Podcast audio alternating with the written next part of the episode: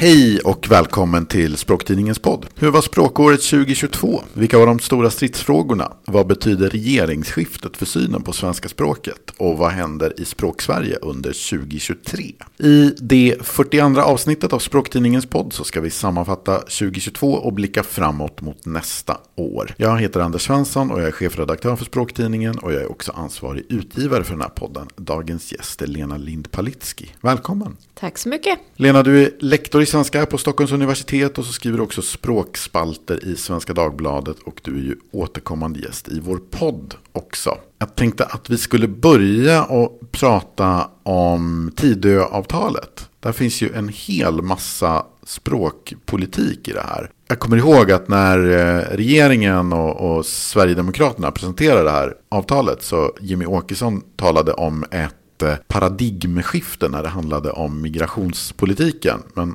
jag tycker väl nästan kanske att man också skulle kunna se det som ett paradigmskifte när det gäller språkpolitiken. För just svenska språket och när det handlar om språkundervisning och kunskaper i språk på olika sätt har en väldigt framskjuten plats i det här avtalet. Håller du med mig om den beskrivningen? Känns det som att vi har slagit in på ett nytt språkpolitiskt spår? Ja, absolut. Man kan ju säga att det här språkåret 2022 har ju innehållit mer språkpolitik än på länge. Och det är ju glädjande på sätt och vis. Att det pratas om språk och vad vi vill med språk och i politiken och i samhället. Men eh, det som är lite oroväckande är ju förstås på det sätt sättet som vi pratar om språk och vad det liksom är kopplat till. Att de stora språkdiskussionerna under året, eller väldigt många av dem, är ju kopplade till det flerspråkiga samhället, det är kopplat till migrationsfrågor, det är kopplat till vissa människors språk som ska bedömas men inte andras och så, så vidare. Så att det är ju positivt att vi pratar om språk, men det är en oroande utveckling hur vi pratar om det, tycker jag.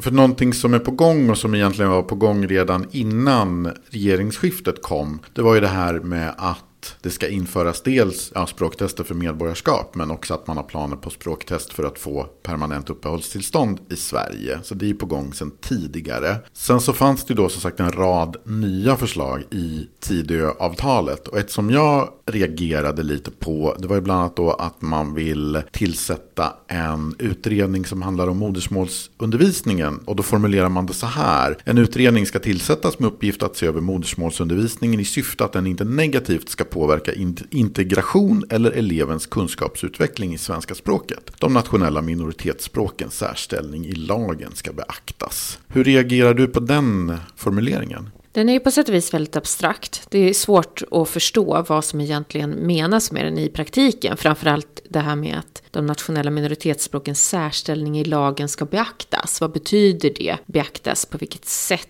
och så vidare.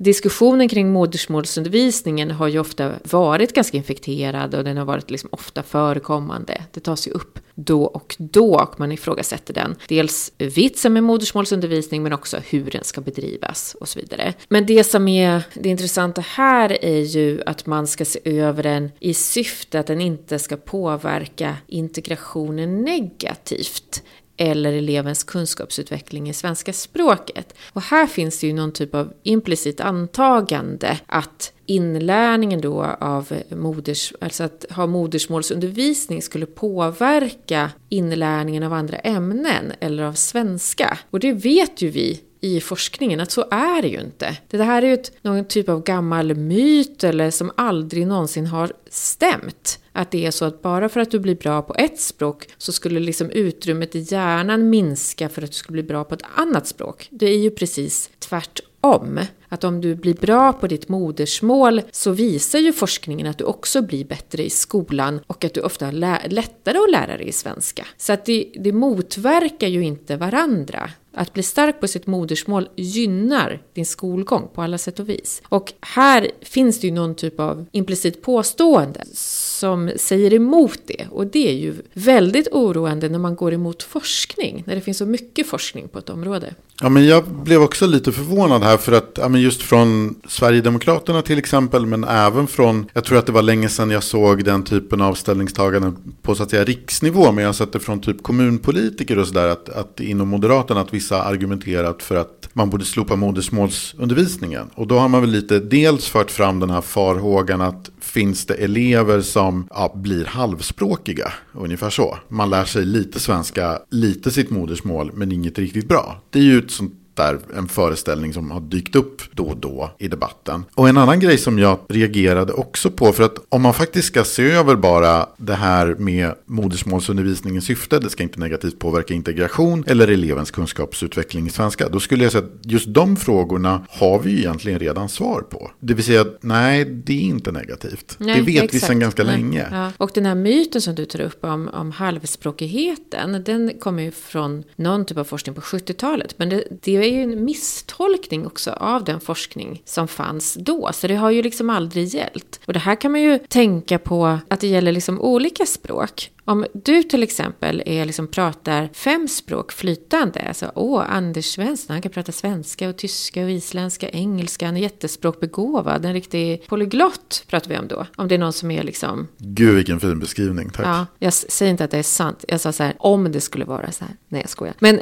att då pratar vi om det som att, att liksom språkkunskaper är något väldigt positivt och ju fler språk du kan, desto mer begåvad är du. Men när det gäller andra språk, när det gäller liksom invandrares språk, där man kanske har liksom tre språk med sig från sitt hemland och så lär man sig svenska och engelska och är riktigt flerspråkig så ses det som någonting som måste stävjas och bekämpas för att det skulle vara dåligt. Så att om man tänker på det på det sättet så förstår man ju också tankefelet som är att det är dåligt att lära sig flera språk. Det är inte dåligt att lära sig flera språk. Ja, det är väl lite så att vi värdesätter kanske inte på samma sätt kunskaper i kurdiska eller arabiska eller somaliska eller vad det nu kan vara för något. Nej, det är ju precis det. Att vi har ju tydliga hierarkier mellan olika typer av språk. Mellan liksom fina språk, bra språk och de språken som inte då anses så fina. Jag tycker också att det var intressant det här med just att undervisningen ska inte negativt påverka integration. För en annan sak som man vet är att den här undervisningen, den är ju frivillig. Och, och, det man också vet att det är ju de eleverna som tenderar att ha goda betyg, som är studiemotiverade, som är helt enkelt duktiga i skolan. Det är de som också väljer i större utsträckning än andra att just läsa sitt modersmål. Det är de som så att säga fixar det, att lägga till någonting på schemat. Mm,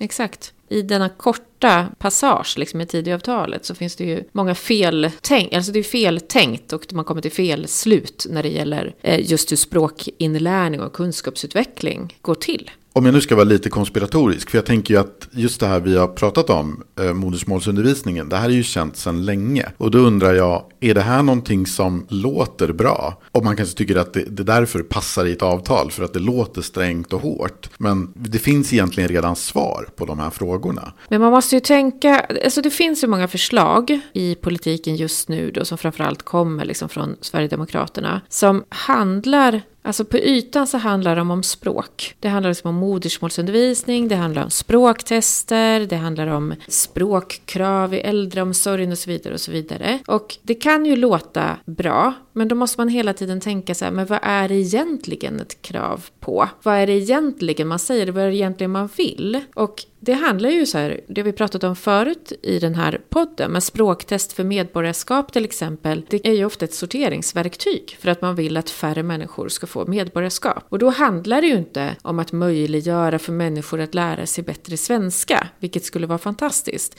utan då handlar det om att ge färre människor medborgarskap. Så man måste liksom läsa alla de här förslagen och fundera på så här, men vad är det det betyder egentligen? Vad är liksom målet med det här förslaget? För att om det skulle vara så att man vill ha förslag där människor faktiskt skulle bli bättre på svenska, vilket är jättebra om det skulle vara så, då är det ju andra typer av förslag som behöver komma till. Då skulle man ge mer pengar till modersmålsundervisning, organisera den bättre, utveckla SFI och så vidare och så vidare. Ja, för det är ju också någonting som vi vet sedan länge, just att språkkunskaper i sig, det är ju verkligen positivt för integration. Absolut, det är ju ingen tror jag, som är emot att människor som flyttar till Sverige ska lära sig svenska. Och att det är jättebra för alla som bor i Sverige att vi har ett starkt gemensamt språk. Det är liksom ingen som ifrågasätter det. Så det måste man ha liksom klart för sig. Och det är väl därför de här språkförslagen också kanske låter bra på ytan. För vi är liksom överens om det. Att det är bra att lära sig svenska språket. Då måste man sticka hål på det och tänka att så här, men det här är inte syftet är inte att man ska lära sig svenska. Syftet är liksom någonting annat som handlar om att sortera människor. I Tidöavtalet så talar man ju mycket också om skolan. Och så står det till exempel att skolans timplan den ska utökas. Och då ska den här utökningen, det ska vara fokus på svenska och matematik. Och så talas det också om att läsning och läsförståelse av litterära texter, att det också ska få större plats i skolan. Man ska läsa svenska och internationella klassiker. Och man ska göra om kursplanerna, liksom i ett slags allmänt syfte där läsning av litterära texter ska få större plats. Vad tycker du om de här förslagen? Alltså det här har ju varit förslag som har puttrat under väldigt många år. Att man är oroad för att den yngre generationen inte läser tillräckligt och att man har svårare att ta till sig också långa och krångliga texter. Det här är något som vi också diskuterar här på universitetet och på många andra ställen att man tycker att studenter kanske har svårare att ta till sig liksom långa och komplexa texter och sådär. Och det vet vi också från forskning att, att läsningen, i alla fall av liksom den typen av texter, går ner.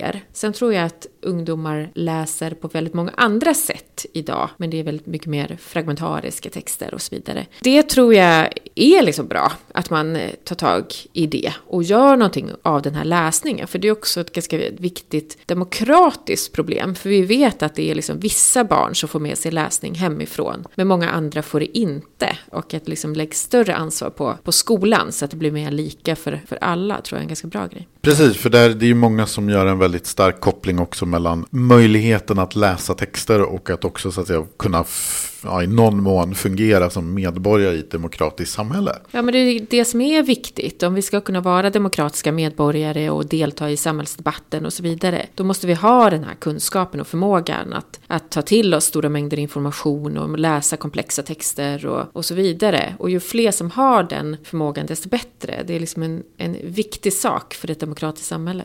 Ganska nyligen här så disputerade ju Karin Center i nordiska språk vid Uppsala universitet. Och hennes avhandling som då handlar om förortssvenska, den blev ju väldigt uppmärksammad. Jag såg att Sverigedemokraternas YouTube-kanal Riks gjorde två inslag om det här och med ganska negativ ton får man säga. Det var en intensiv diskussion på Flashback. Det var många nyhetsmedier som var intresserade men det var också många av de här alternativmedierna på högerkanten som var intresserade. Bland de som var kritiska utifrån det här, ja, vad ska vi säga, alternativmedia, invandringskritiska högerkanten perspektivet. Där talas det ju då kanske inte helt oväntat om att det här skulle vara en slags eftergift mot den svenska och en svenska då som inte skulle vara ja, riktig svenska helt enkelt. Och man framställde det som att nu kom det någon, ett nästan statligt sändebud och förkunnade att nu ska det här vara en svenska på samma sätt som, vad vet jag, göteborgska eller skånska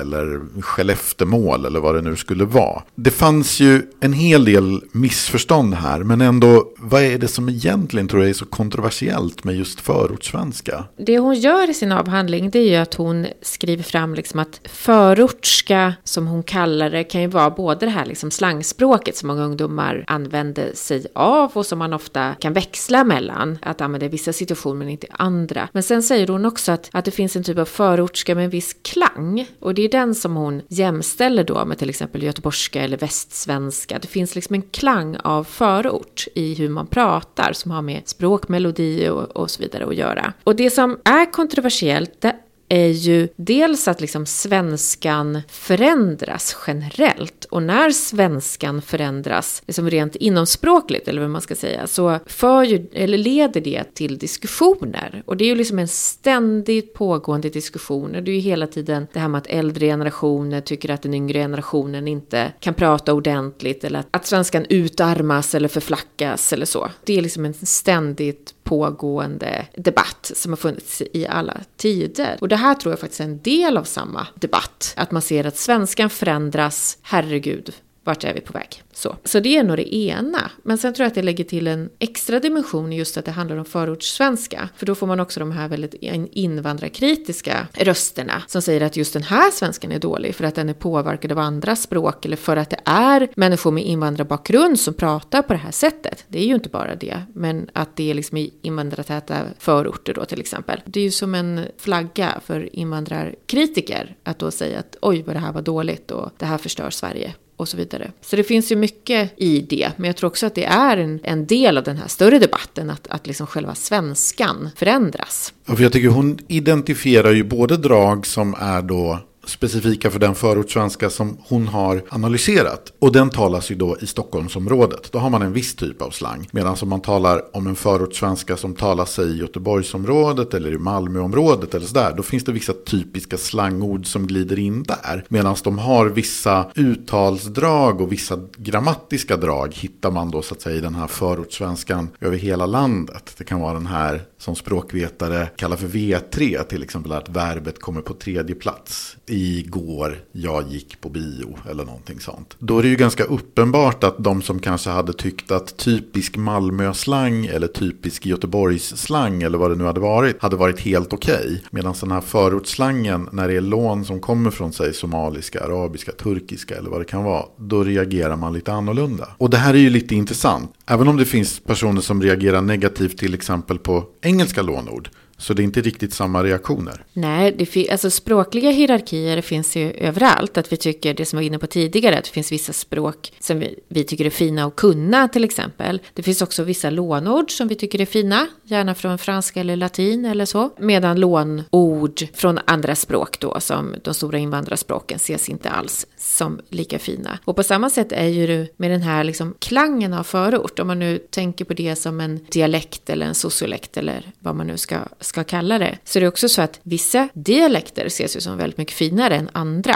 Och då har ju den här förortska klangen väldigt, väldigt låg status som det är idag. Och den här typen av hierarkier finns ju överallt i, i språket. Ännu lite mer språkpolitik tänker jag. Vi har ju under året så har arbetet börjat med att inrätta språkcentrum. Och det är Institutet för språk och folkminnen som håller i det. Vad är de här språkcentrumen för någonting?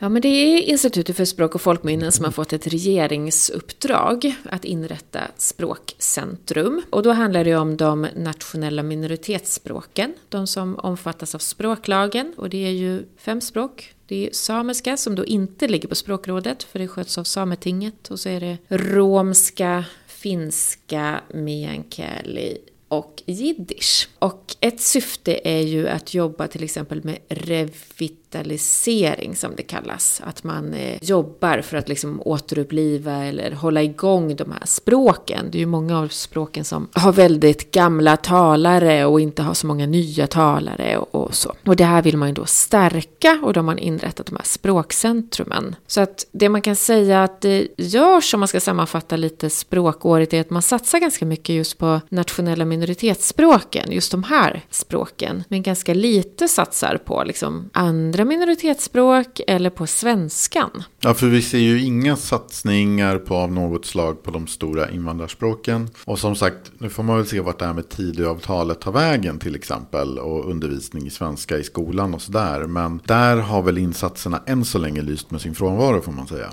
Mm, så är det ju. Och när vi ändå då talar om svenskundervisning så är det väl lite så att det verkar vara på gång att Svenska institutet som ju på olika sätt finansierar undervisning i svenska på utländska universitet. De är på väg att banta det här stödet ganska rejält. Vad kan det här få för konsekvenser? Svenska institutet hjälper ju till att anställa lektorer för att undervisa i svenska på väldigt många universitet runt om i världen. Och när man drar ner på det stödet så kommer det inte kunna sändas ut så många svensklektorer i världen, vilket får till följd att det inte är så många studenter som kan läsa svenska, vilket antagligen få till följd att eh, färre kan svenska i utlandet, färre intresserar sig för Sverige, färre för ut liksom någon typ av svensk litteratur eller kultur i världen och skapar det här intresset för, för Sverige. Alltså det är en väldigt liten liten del av Svenska institutets budget. Jag läste att de har liksom 492 miljoner i budget och det här är liksom några få miljoner, så runt 5 miljoner allting som man drar in. Så att det är ju ganska lite pengar i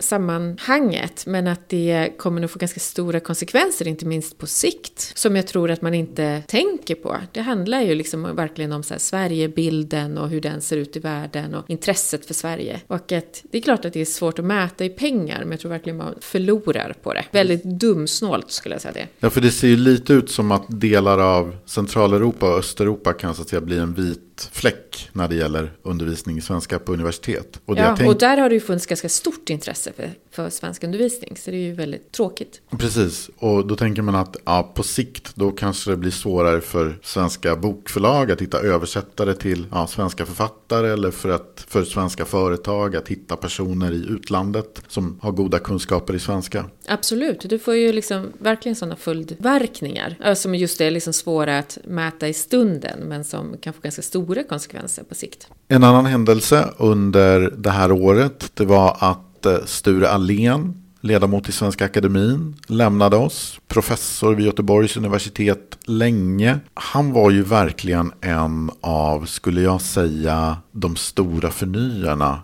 inom språkvetenskapen i Sverige. Vad var det som gjorde honom så betydelsefull? Ja, men framför allt så jobbade ju Sture Allén, alltså han var väldigt tidig med någon typ av datalingvistik. Att han eh, utvecklade det vid Göteborgs universitet. Och det fick ju till följd bland annat att ordboksarbetet kunde jobba, man kunde liksom samla in material på ett helt annat sätt och man kunde titta på frekvenser och så vidare. Så att han eh, utvecklade ju det väldigt mycket och var väldigt tidig med det. Så han har ju betytt väldigt mycket för svensk språkvård och språkvetenskap skulle jag säga. Tidigare hade ju språkvetare gärna suttit på sin kammare och funderat på alltså, hur, hur känner jag inför det här språkliga problemet? Medan han då var med och möjliggjorde att man kunde samla in de här materialen, jättestora material och söka i dem och så vidare. Så det har ju fått stora konsekvenser för, för språkvetenskapen och för språkvården och för arbetet med liksom Svenska Akademins ordlista, ordbok och, och så vidare.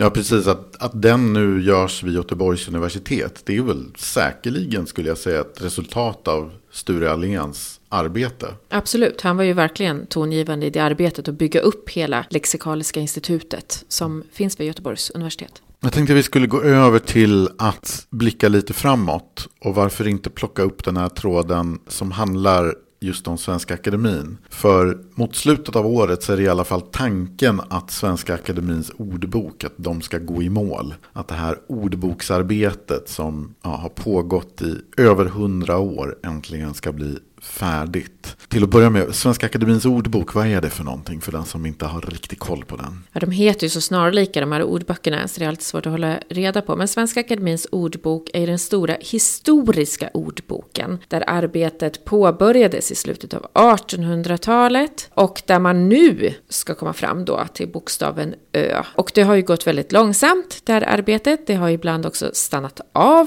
Det som står på bokstaven A är ganska inaktuellt. Men det är ju en historisk och etymologisk ordbok som beskriver eh, ordens ursprung och historia helt enkelt. Och när vi satt här för ganska precis ett år sedan så kommenterade vi nyheten om att Svenska Akademin, man övervägde att dra in det fortsatta stödet till den här ordboken. Att tidigare så hade man talat om att den skulle uppdateras för som du sa här, de allra äldsta beståndsdelarna är från 1890-talet så att de är ju starkt behov av en uppfräschning. Men eh, under året så har det ju blivit klart att ja, men det blir en form av fortsättning. Ja, och det är ju jättepositivt. Därför att det är ju precis som jag sa, de tidiga bokstäverna är ju väldigt inaktuella. Så att det är ju väldigt ojämnt. Det som liksom kommer på Ö, där har man ju med belägg för, fram till nu. Och det som är A, som skrevs väldigt länge sedan, har ju en del att fylla, hundra år till att fylla på med. Men nu har man ju löst finansieringsfrågan. Det är ju flera finansiärer som har gått in och ska samfinansiera. Så det är ju någonting som är väldigt positivt, att det får en fortsättning, att man fortsätter att revidera.